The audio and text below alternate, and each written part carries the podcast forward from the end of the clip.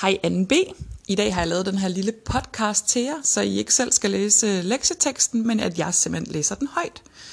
Og øh, jeg læser op fra vores bog, som vi har brugt før i øh, forløbet, der hedder Dansk kolonihistorie fra glemsel til anger, og det er side 75 til 81, og det handler om glemsel og grundfortælling.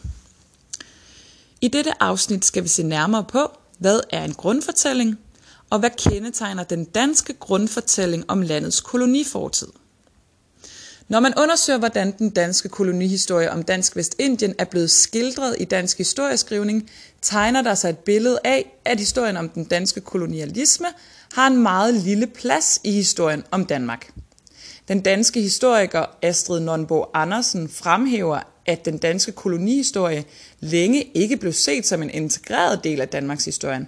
Man har altså typisk skælet mellem den rigtige Danmarks historie og den her koloniale historie, hvilket er en europæisk tendens. Der, hvor dansk historieskrivning adskiller sig fra resten af Europa, er i hvor høj grad kolonifortiden er marginaliseret og glemt i både akademiske bøger og i den brede historiebevidsthed i befolkningen.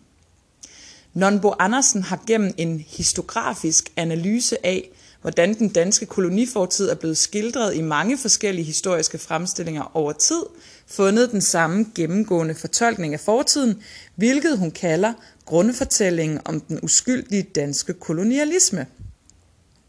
En grundfortælling er et grundlæggende narrativ, og et narrativ det betyder sådan set også bare fortælling, øh, som man vil se gå igen på tværs af mange forskellige historiske fremstillinger om en periode eller en begivenhed – Eksempelvis i forskellige historiebøger, taler, film, skønlitteratur og lignende.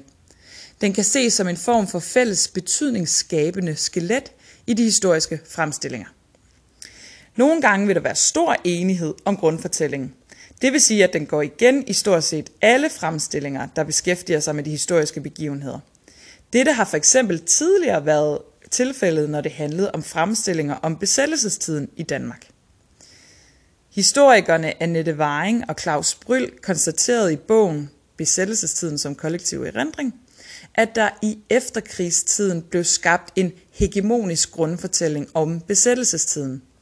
Det vil sige en grundfortælling, der var så udbredt, at den slet ikke var til debat, til debat, og at den var gennemgående i stort set alle historiske fremstillinger i årtier efter krigen. Og den her grundfortælling, hvis jeg lige skal fortælle om den i forhold til besættelsestiden, det var jo meget den her, at efter krigen, så, så fremstillede man det således, at både politikere og modstandsbevægelsen sådan set hele tiden havde været helt enige om, at, øh, at, bes, altså, at nazisterne var de onde, og at vi skulle kæmpe imod den her besættelse. Og det var egentlig en, øh, en meget sådan stor forsimpling af øh, den diskussion og debat, der egentlig var om, hvordan man skulle forholde sig til denne her besættelsesmagt, som nazisterne var. Så det, det, det er blevet en meget, meget forsimplet grundfortælling, at vi selvfølgelig som folk stod sammen. Øh, der var nogle få stikker, der var nogle få nazister, men ellers så var vi et samlet dansk folk, som selvfølgelig fra starten af kæmpede på hver vores måde imod den her besættelsesmagt. Så det er ligesom det, der er blevet grundfortællingen. Og den har så været til debat her i de seneste år, men altså i årtier efter, at krigen var slut, var det den grundfortælling, der var herskende, kan man sige. Jeg læser videre. Det er ikke alle grundfortællinger, der er så stærke og hegemoniske, som det var tilfældet med besættelsestiden. En grundfortælling kan også være mere uklar og svag, det vil sige, at der kun er enighed om få ting. Der kan også være tilfælde, hvor en stærk grundfortælling, der er fremherskende i en gruppes fremstillinger af historien, udfordres af en konkurrerende grundfortælling, en såkaldt modfortælling fra en anden gruppe – dette kan fx ses, hvis man undersøger grundfortællinger, der er gennemgående i henholdsvis israelske og palæstinensiske fremstillinger om den israelsk-palæstinensiske krig i 1948. Israelerne kalder den her krig for frihedskrigen, og palæstinenserne kalder den for katastrofen. Og i forhold til det her med forskellige grundfortællinger, kender vi det jo lidt fra fodnotepolitikken, som vi har arbejdet med, hvordan højrefløjen og venstrefløjen har vidt forskellige grundfortællinger om, øh, hvorfor man indførte de her fodnote, fodnoter i øh, NATO-kommunikerende, og hvad det havde af konsekvenser. Jeg læser videre. Den uskyldige kolonialisme står der som overskrift. Det er særligt for den danske fortid som kolonimagt, at mens andre kolonimagter fra midten af 1800-tallet i imperialismens tidsalder kastede sig mere og mere ind i det koloniale kapløb, tabte eller solgte Danmark meget store dele af sit territorium. I 1814 måtte Danmark afstå Norge, fordi landet havde været på den tabende side i Napoleonskrigene, og i 1864 mistede Danmark hertugdømmerne Slesvig, Holsten og Lauenborg efter et svine og overraskende nederlag i krig mod Preussen og Østrig. Danmark var altså efter krigen i 1864 en besejret lilleputstat, der samtidig var koloniherre i troberne. I denne periode lagdes grundstenene til det danske folkestyre og den danske nationalstat, hvilket betød, at fokus i dansk historieskrivning skiftede fra historier om store adelsmænd og enevældige konger til en national fortælling om det danske folk.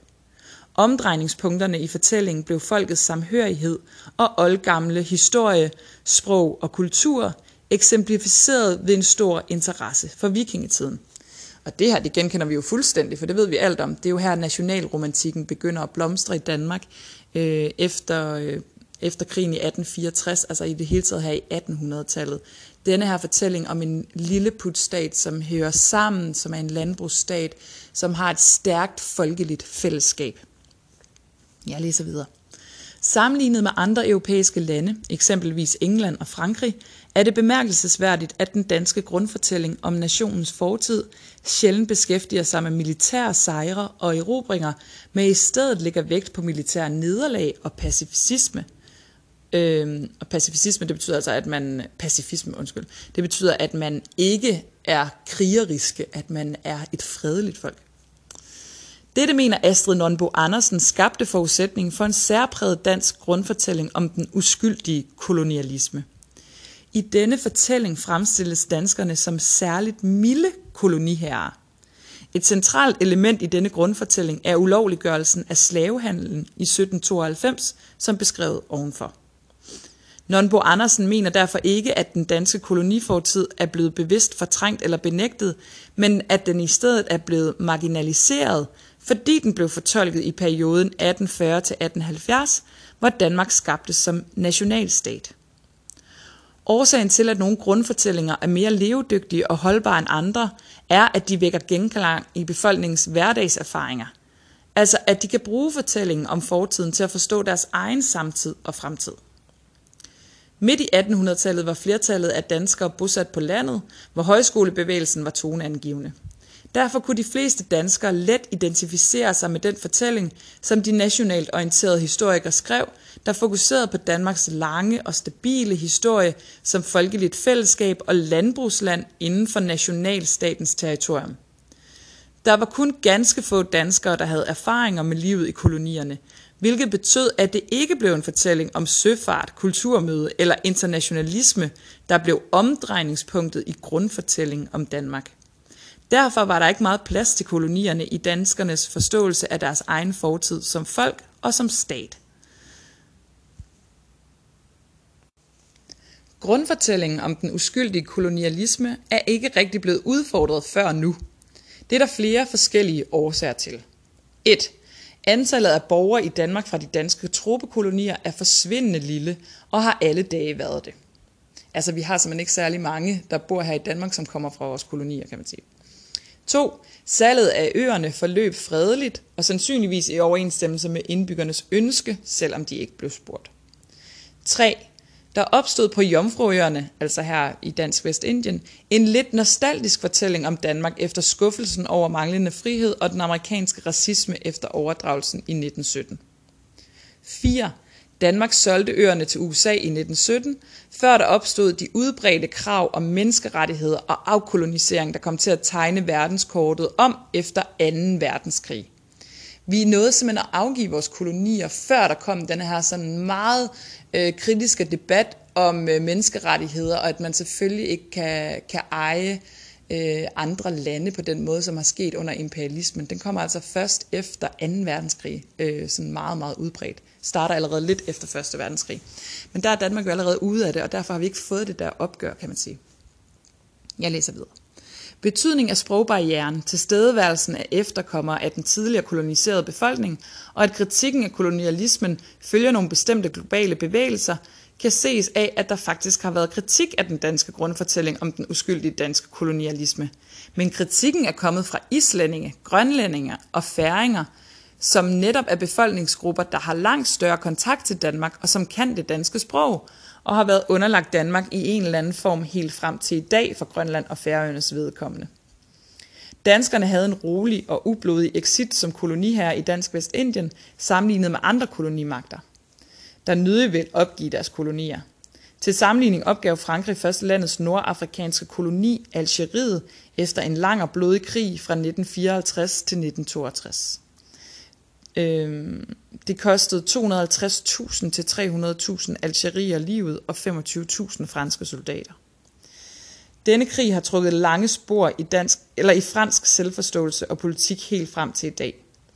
Danmarks relativt udramatiske salg af Dansk Vestindien har derimod i en lang periode næsten været gået i glemmebogen, men fik øget opmærksomhed i forbindelse med 100-året for salget af øerne i 2017, hvor der udkom mange bøger om Dansk Vestindien, og der blev arrangeret udstillinger og særlige undervisningsevents, samt rejst det første monument over Danmarks kolonifortid.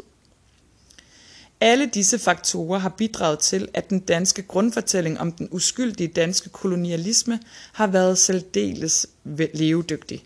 Men der er gennem de seneste år rejst mange forskellige krav, både i Danmark og i de tidligere kolonier, om blandt andet øget bevidstliggørelse om den fælles fortid, anerkendelsen af de, slave, af de slavegjortes efterkommere, en officiel dansk undskyldning og økonomisk kompensation. Godt. Så det vi får at vide i den her lektietekst, det er øh, i bund og grund, at der findes en grundfortælling om dansk kolonihistorie, som er, at øh, danskere har været nogle særligt milde koloniherrer. Vi har ikke været så ondskabsfulde, vi har ikke været, øh, været så bestialske osv., som kan siges om andre kolonimagter. Og grunden til, at man har fået den grundfortælling, handler meget om det her med, Øh, vi har ikke haft nogen øh, beboere fra de tidligere kolonier. Der har ikke været særlig mange i Danmark, der har kunne udfordre den fortælling. Vi var jo det første land, der øh, ulovligt gjorde slavetransport eller slavehandel, men altså ikke slaveriet. Det har vi også slået meget på. Og så det her med, at, øh, at, at den fortælling skabes i 1800-tallet, hvor der er meget mere vægt på dansk nationalhistorie, altså inden for nationalstatens grænser i det territorium, vi næsten kender som Danmark i dag. Ikke? Øhm, så denne her er sådan en opfattelse af, at Danmark jo også havde besiddelser ud over nationalstatens grænser, det har ikke været særlig øh, tydeligt i danskernes bevidsthed. Så, øh, så grundfortællingen er både, at vi har været milde øh, koloniherrer, og så også denne her forestilling om nærmest, at vi har øh, dansk historieskrivning som noget, der foregår inden for den danske nationalstats grænser, og så har vi noget, der hedder kolonihistorie, som på en eller anden måde er en, en detachment, eller sådan, altså noget, vi klyster på den der nationalhistorie. Fordi der der i 1800-tallet er så stor fokus på nationalromantikken, på vikingetiden, øh, på de der store grundfortællinger om, øh, øh, om om den der nationalstat, Danmark har været med den samme historie, den samme sprog osv. Der har jo ikke rigtig været plads til, at, at vi jo egentlig også er en koloni her. Yes.